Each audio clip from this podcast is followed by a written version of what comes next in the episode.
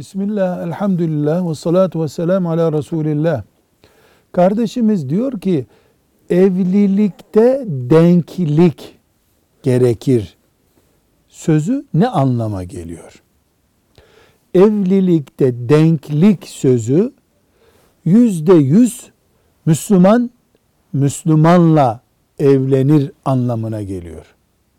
Müslüman olmayan bir erkekle Müslüman bir kadın evlenemez. Bu kural olarak durur.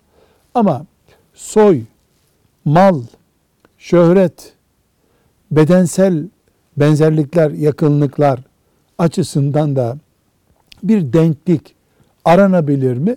Aranabilir, aranmalıdır.